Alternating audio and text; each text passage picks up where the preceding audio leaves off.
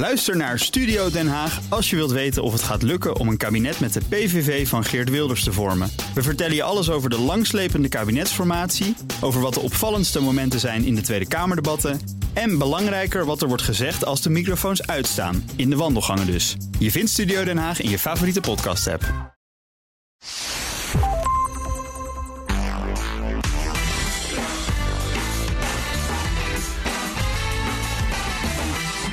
Welkom bij de Ben Tichelaar podcast bij BNR. De podcast voor persoonlijke en professionele groei.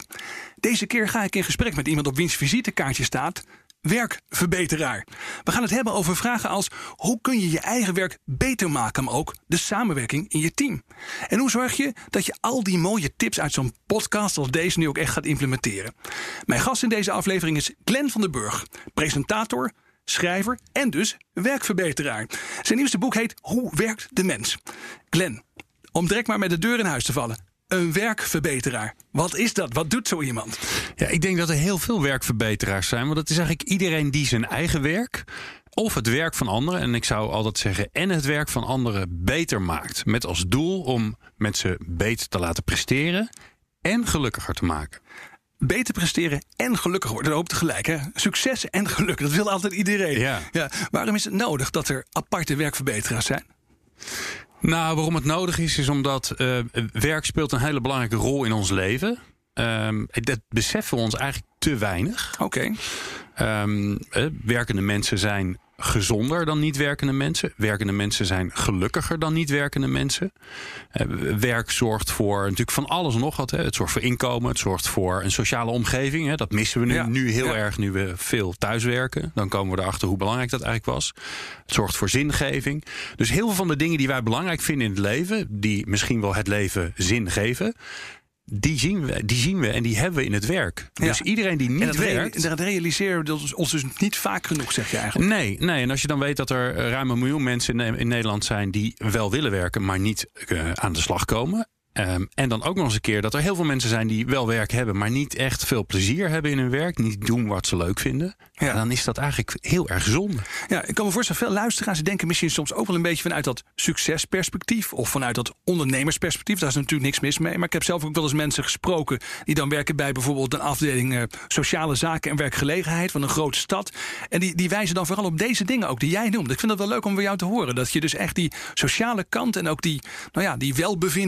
zeg maar, van werk zo belangrijk vindt. Ja. ja, ik heb ooit iemand horen zeggen: ja, werk is eigenlijk een soort medicijn. Ja. Dus als, je, als mensen bijvoorbeeld eh, in de schulden zitten, problemen hebben, eh, fysiek eh, niet oké zijn en ze gaan werken, dan lossen heel veel van die dingen lossen zich op zonder dat daar een dokter aan de pas hoeft te komen, zonder dat er een pil aan de pas hoeft te komen. Alleen al dat je een gezond ritme hebt, dat je op een vaste tijd opstaat, Ja. dat er mensen op je zitten te wachten. Ja. Oké, dus dat is goed, dat is belangrijk hè, dat we ons dat realiseren.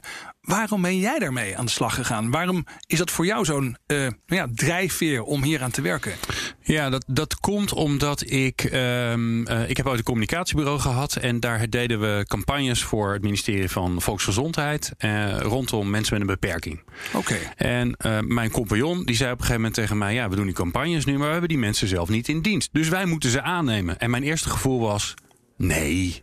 Ja, ja, nee. Dus Ja. ik merkte mijn eigen twijfel en, toen, en ik schrok daarvan. We hebben het wel gedaan. Ehm, eh, drie jongens met een beperking. En, en daardoor ben ik eigenlijk gaan leren, erachter gekomen hoe belangrijk werk eigenlijk voor ons is. Voor mij was het altijd vanzelfsprekend. Ik deed Ja. leuke dingen. En als ik het niet leuk meer vind, dan ging ik om me heen roepen dat ik het niet leuk meer vind. En dan kwam er, dan kwam er wat anders. ja. Ehm, maar dat is helemaal niet vanzelfsprekend. En heel veel mensen die nu aan het luisteren zijn, die denken: ja, de. En natuurlijk is dat niet vanzelfsprekend.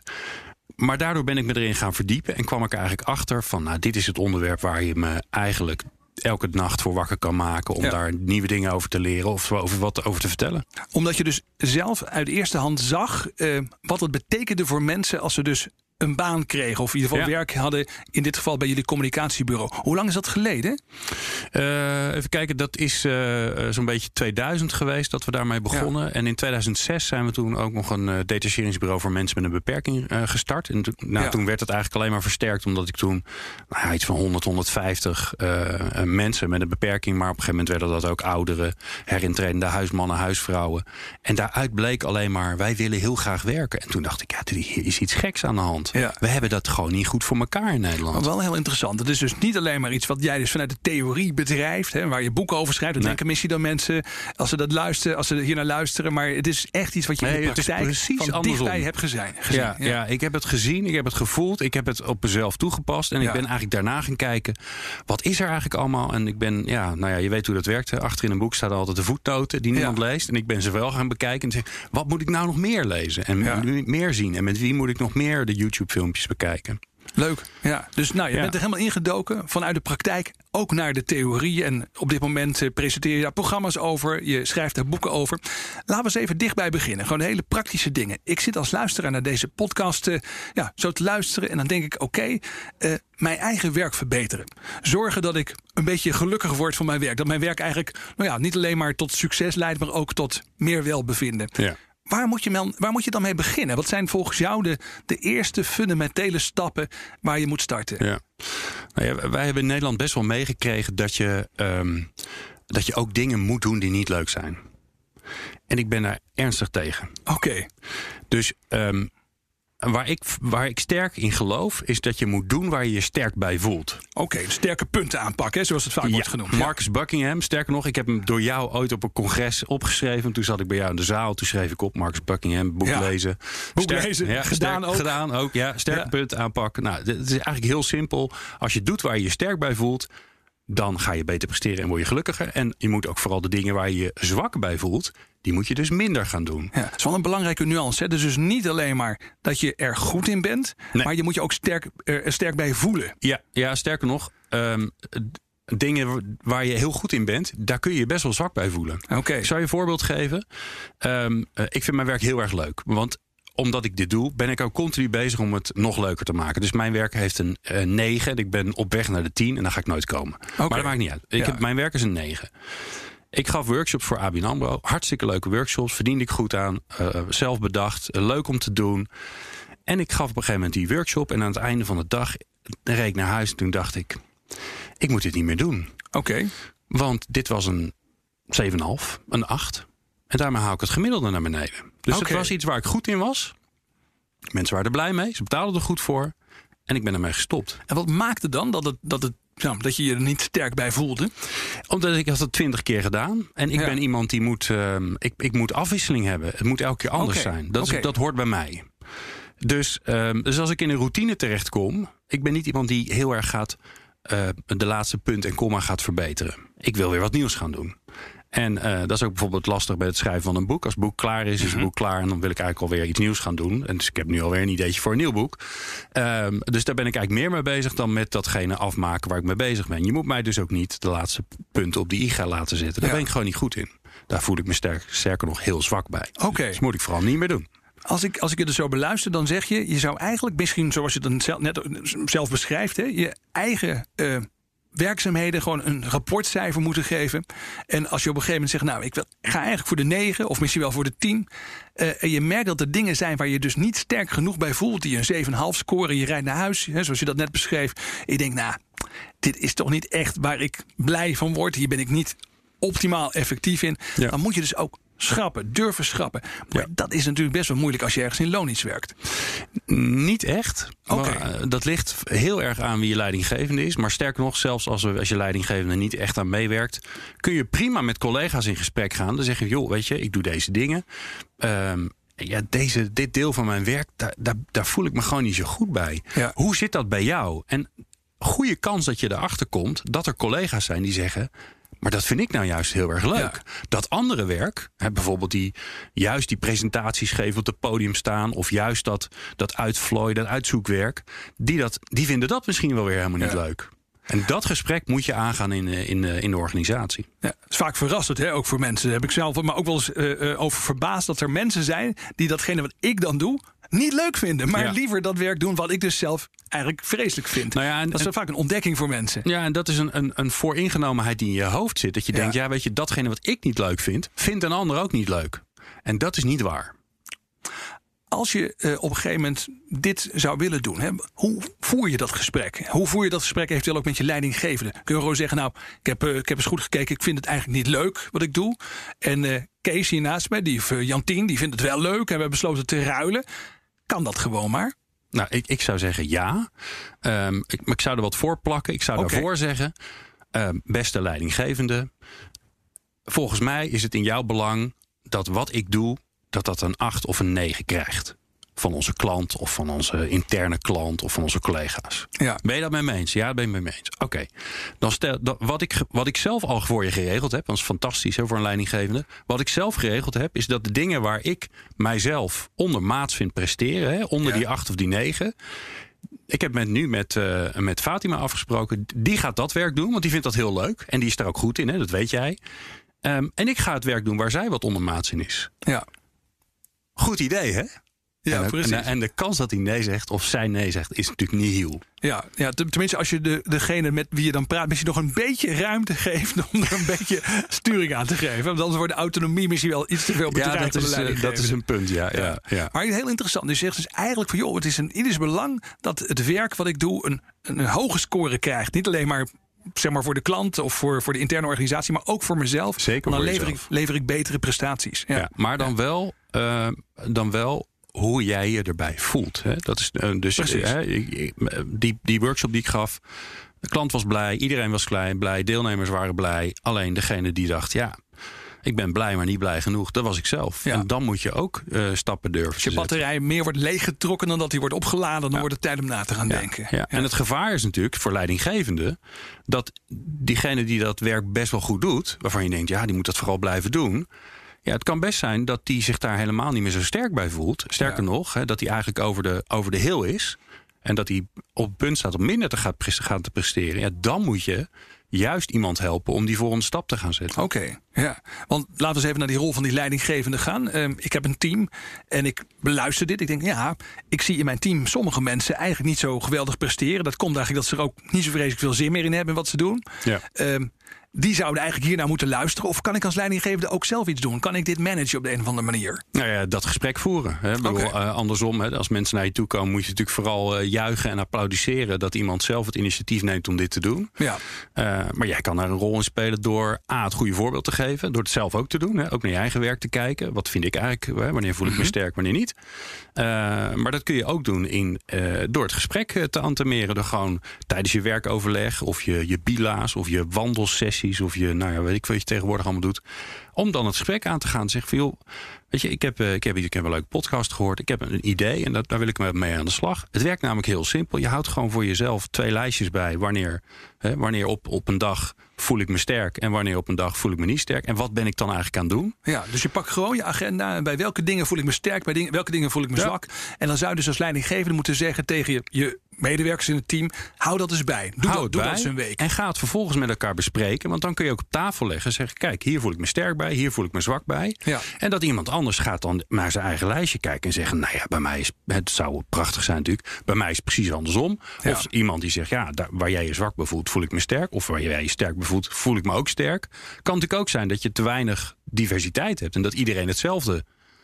Eh, zich daar heel sterk bij voelt. Ja, Ja. Dan, dan heb je een uitdaging als, als leidinggevende. Dan moet je aan je team gaan werken. Ja, precies. En, en hoe ver moet je hierin gaan? Hè? Want bedoel, je noemde dat net al even in het begin. De overtuiging bij veel Nederlanders, maar eigenlijk ook op andere plekken in de wereld kom je dat natuurlijk wel tegen. Is toch ook dat er bij al het werk wat je doet ook vaak wel een beetje corvée zit. Hè? Ja. Er zijn nou eenmaal dingen die horen erbij.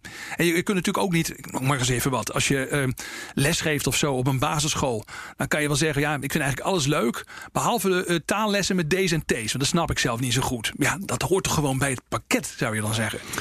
Ja, ja ik, ik, ben er, ik ben er erg voor om het. Kijk, en de- natuurlijk is het, het wordt steeds lastiger. Hè? De- Dus in de finesses wordt het steeds lastiger. Ik denk Ja. dat je in de grove, in de grove lijnen heb je heel snel kun je resultaat boeken. In de finesses wordt het lastiger. Ehm, nou ja, om een voorbeeld te geven, ik, ik maak mijn eigen facturen. Daar vind ik niet zo heel veel aan. Ik vind het wel leuk als ze beta- betaald worden, maar, maar. Dat dat, ja. werkje om het, om het te doen, vind ik niet zo heel erg leuk. Ja. Wat ik wel weet, is dat als ik het opspaar en ik maak er een bulk van. En ik zet er lekker muziekje op. Dan kan ik een, een sfeer creëren waar ik stiekem toch in de flow kom. Want het is een werk waar ik niet heel erg bijster veel bij na hoef te denken. Ja. En dan vliegt de tijd en dan is het werk alsnog oké. hè. dus dat is het gevaar bij zo'n sterke puntenaanpak. Als dat de oplossing voor alles was, dan had iedereen het al gedaan. Ja. Het is een oplossing. Het kan je helpen bij bij je werk. Precies, en het is de primaire oplossing waar jij mee zou beginnen. Dat is ook natuurlijk eh, het gesprek dat we aan het voeren waren. Um, en Ja. leuk inderdaad is, als er dan toch corvée bij is... zelfs in dat leuke werk wat jij dus hebt... eh, als er corvée is, dan met een leuk muziekje en een goede sfeer... kan je toch op een gegeven moment er een leuk uurtje van maken... of een leuk paar uurtjes. Ja, ja, ja. En, dat, en dat is uiteindelijk de, de basisgedachte waar ik ernstig in geloof. Is dat je het werk moet organiseren rondom hoe mensen in elkaar zitten. Ja. En niet andersom. Wij proberen die mensen steeds maar aan te passen. En eh, een arm erbij en een been erbij. En de hersens een beetje te tweaken. Ja, dat Maar dat heeft helemaal geen zin dus. Nee, Nou ja, nee. weet je, wij zijn een dier. Wij evolueren heel langzaam. Dus dat heeft helemaal geen zin. Ja. Je kunt wel tegen mensen zeggen, doe dat eens anders. Maar voordat het echt zover is, dan ben je soms jaren verder... of het komt Nou ja, helemaal niet. Ik bedoel, het is ook jouw vak. Gedragsverandering is heel ingewikkeld. Dus als Ja. je mensen hun gedrag wil laten veranderen, ja, dan ben je gewoon iets heel ingewikkelds aan het organiseren. Ja, en daar heb je soms als manager vaak helemaal geen tijd voor. Ja. Hey, als we het dan toch hebben over eh, sterke en zwakke momenten ook op het werk. Jij hebt je ook wel eens verdiept in de vergadering. Ja. En eh, als het dan gaat over werk verbeteren, eh, dan is dat iets waarvan heel veel mensen zeggen: Nou, dat mag echt wel een stukje beter bij ons. Ja. wat, wat, is nou, wat is dat probleem toch met vergaderen? Waarom heeft iedereen er zo'n hekel aan en hoe zou je het eventueel kunnen verbeteren? Hoe kijk jij ernaar? Ja, het is fascinerend hoeveel tijd je eraan besteedt en hoe slecht het eigenlijk gebeurt. Er zijn ook mensen die er hele boekjes over voor hebben geschreven. En volgens mij eh, eh, komen die ook nog wel eens bij je langs. Maar dat, dat, voor- dat, eh, die moeten vooral die podcast gaan luisteren. Ehm, ja, een aantal dingen die, die, je, die je makkelijk anders kan doen. Ten eerste, niet achter elkaar. Oké, Dus zorg dat er, en dat kun je gewoon als leidinggevende, desnoods als directie, als decreet doorvoeren. Het is heel simpel. Een, een vergadering duurt niet een uur, maar drie kwartier. oké. En dan heb je een kwartier daartussen en dan doe je iets anders. Dat is gewoon bij Dat geldt deze is dat een regel. Live op het werk, dat geldt ook online. Zeker, voor- online. Zeker ja, voor online want dat is zo mogelijk nog vermoeiender. Ja, nee, dat Ja. is heel herkenbaar. Dus Ja. jij zegt, vergader niet een uur, hè, wat mensen vaak standaard doen. Dat is ook zo makkelijk in die elektronische agendas. Hup, klik een uur. Ja, Nee, drie kwartier. ja, En dan een kwartier iets anders doen. ja. Geleerd van Rino kan. Eh, mocht ik ooit interviewen. Ik kreeg drie kwartier en ik stond buiten na drie kwartier. En het was fantastisch. Ja. Een simpele Dus- regel. Kan je zo invoeren. Ja, kan je zo invoeren. Oké, dat is nummer één. Ja. Mooi, dank je. Nummer twee. Eh, het twee is, ehm, kijk naar het doel. Dus wat wil je nou eigenlijk met die vergadering? Ja. Dat, is, dat klinkt heel simpel, maar het doel bepaalt uiteindelijk hoe je die vergadering vorm gaat geven. Ja. Hè, ga je ehm, een uur lang zenden? Nou, dat zou ik je sowieso nooit aanraden. Hè, maar, maar heb je informatie over te dragen? Of ehm, eh, wil je discussie ontlokken? Of wil je ehm, eh, tot een besluit komen? Of Ja. wil je ideeën verzamelen? Dat maakt nogal uit. En wat gebeurt als je niks organiseert, is dat er komt discussie. Ja. Over de meest onzinnige dingen. Iedereen herkent dat. En daar word je zo moe van. Ja. Dat Soms denkt, heb je vergaderingen, dat is alleen maar het doel om informatie uit te wisselen, om elkaar bij te praten. En toch gaan mensen met elkaar in discussie alsof er een soort Juist. eindbesluit moet vallen. Voor Ja. altijd. Ja, ja. en dan zijn mensen het niet eens met de informatie die ze krijgen. Ja, dan, dan moet je dus dan moet je niet optreden. Dan moet je Ja. zeggen, ja jongens. eh, Maar goed, dat is dus een probleem ook vaak, vaak van de voorbereiding of van de, degene die de vergadering leidt. Die had duidelijk Ja. moeten zeggen: jongens, dit is alleen maar het doel. We willen hebben- alleen maar informatie ja, uitwisselen. dat is wel grappig. Hè? We hebben zoveel vergaderingen. Of we, ik gelukkig niet. En jij hopelijk ook niet. Maar er zijn zoveel vergaderingen in een gemiddelde bedrijf. In een gemiddeld groot bedrijf. Dat er geen tijd is om voor te bereiden. Met Ja. als gevolg dat de vergaderingen heel slecht zijn. Hè? Dus Ja. een soort visuele cirkel. Eh, dat zijn twee goede tips. Ja. heb je nog een derde voor ons? een de- derde, laatste een tip voor derde ons? die ik altijd, waar ik altijd, die ik, als ik als ik bijeenkomsten of wat dan ook moet begeleiden voor, voor klanten, is altijd de vraag hoe groot is de groep? Oké.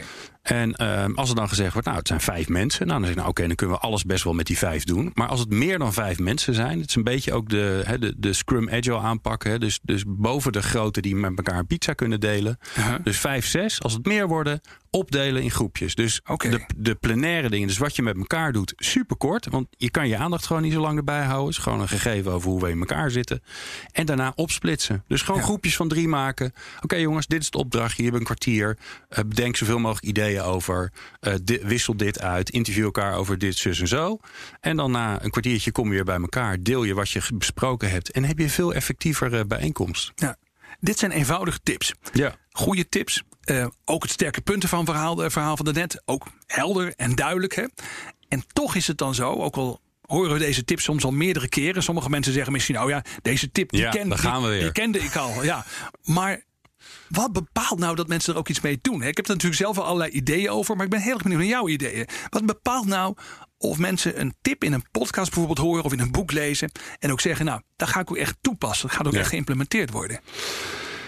Nou, het eerste wat ik daarover kan zeggen is: uh, wees niet te hard voor jezelf. Uh, dus uh -huh. dus um, word niet boos op jezelf of gefrustreerd over jezelf als je het niet doet. Okay. want wat, wat wij denken, nou, dat is ook wat ik in het, in het boek Hoe werkt de mens beschrijf. Wij hebben de unieke kwaliteit is dat wij, wij kunnen dingen bedenken ja. zonder ze uit te voeren. Ja. En dat is wel handig. Want wij bedenken ook heel veel dingen die misschien niet zo verstandig zijn om uit te voeren. Het is wel leuk hoe je dat verwoordt. Hè? Dus uh, dieren die denken aan allerlei dingen, maar dat is alleen maar om te handelen. Ja. Maar de mens kan ook zeg maar vrij denken ja. zonder dat hij per se moet handelen. Dat is ja. eigenlijk een kwaliteit, zou je dat kunnen zeggen. Dat is een enorme kwaliteit. Hè? Dus wij kunnen, wij kunnen scenario's denken, we kunnen plannen, we kunnen allerlei dingen doen. Hè? Ondertussen ben je al met, met, met 500 vrouwen vreemd gegaan of mannen. Of uh, heb je ondertussen de buurman al een speak paar keer... Yourself, speak for nee, yourself. jij zeker niet. Nee, maar dat, uh, we, we hebben allerlei gedachten en daar doen we niet zoveel mee. Dus dat is heel fijn. Het nadeel is um, dat wij die gedachten hebben. Um, en, en omdat het zo lastig is om naar gedrag te komen, moet je je daar jezelf bij helpen. En daar, daar helpen een aantal dingen bij. Uh, daar kun je ook overigens boeken over, uh, over, over lezen. Uh, die, die je daar nog veel meer bij helpen. Maar Mhm. mm -hmm. heel bazaal gaat het over drie dingen. Het gaat over kunnen, willen en doen. Ja. Um, je kunt werken aan je, aan je gevoel van kunnen. En dat is belangrijk. Het is een gevoel van kunnen. Ja. Door ervoor te zorgen dat je succesmomentjes creëert. Ja, dus dat je gaat geloven dat je een bepaalde uh, tip, ja. bijvoorbeeld over vergaderen, ook echt kunt toepassen. Dat ja. zie je jezelf wel doen. Ja, dus Ja. altijd alles wat je doet, klein maken, kleine stapjes.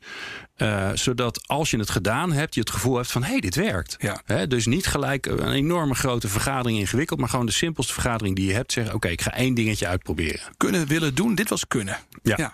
Uh, willen is, ja, waarom zou je het eigenlijk doen? Want je onbewuste, die vreet het anders gelijk op. Dus als het niet belangrijk genoeg voor je is, Ja. dan gaan we in de energiebesparingsstand, want dat doen we daar continu.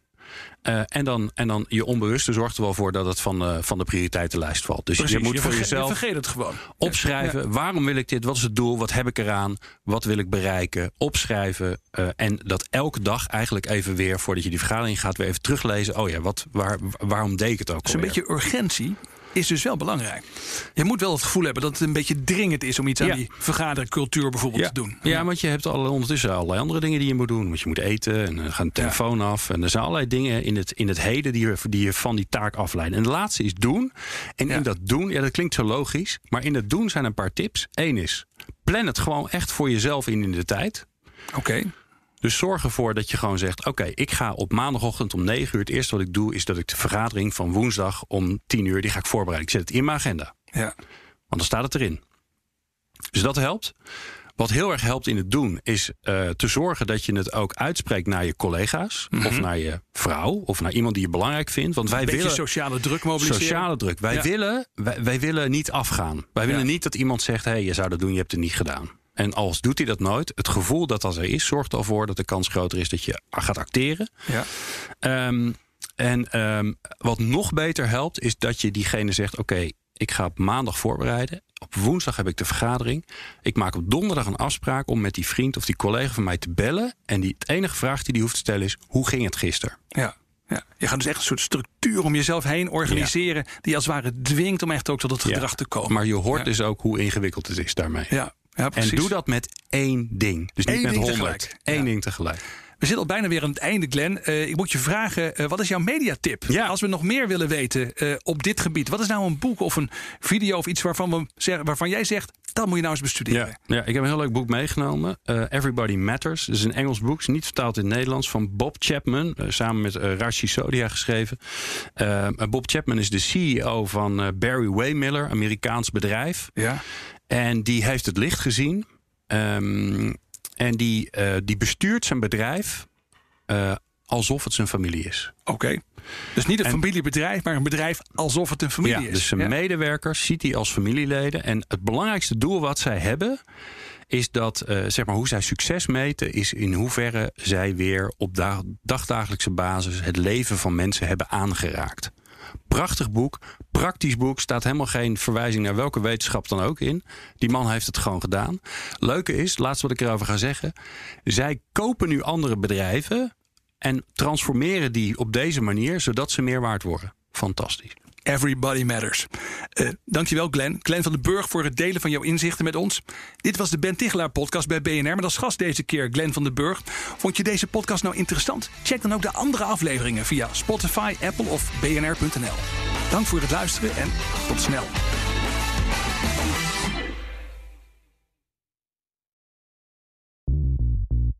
BNR ben je altijd als eerste op de hoogte van het laatste nieuws. Luister dagelijks live via internet. Bas van Werven. En heel langzaam komt de zon op rond dit tijdstip. Je krijgt inzicht in de dag die komt op BNR, het Binnenhof in Nederland en de rest van de wereld. De Ochtendspits. Voor de beste start van je werkdag. Blijf scherp en mis niets.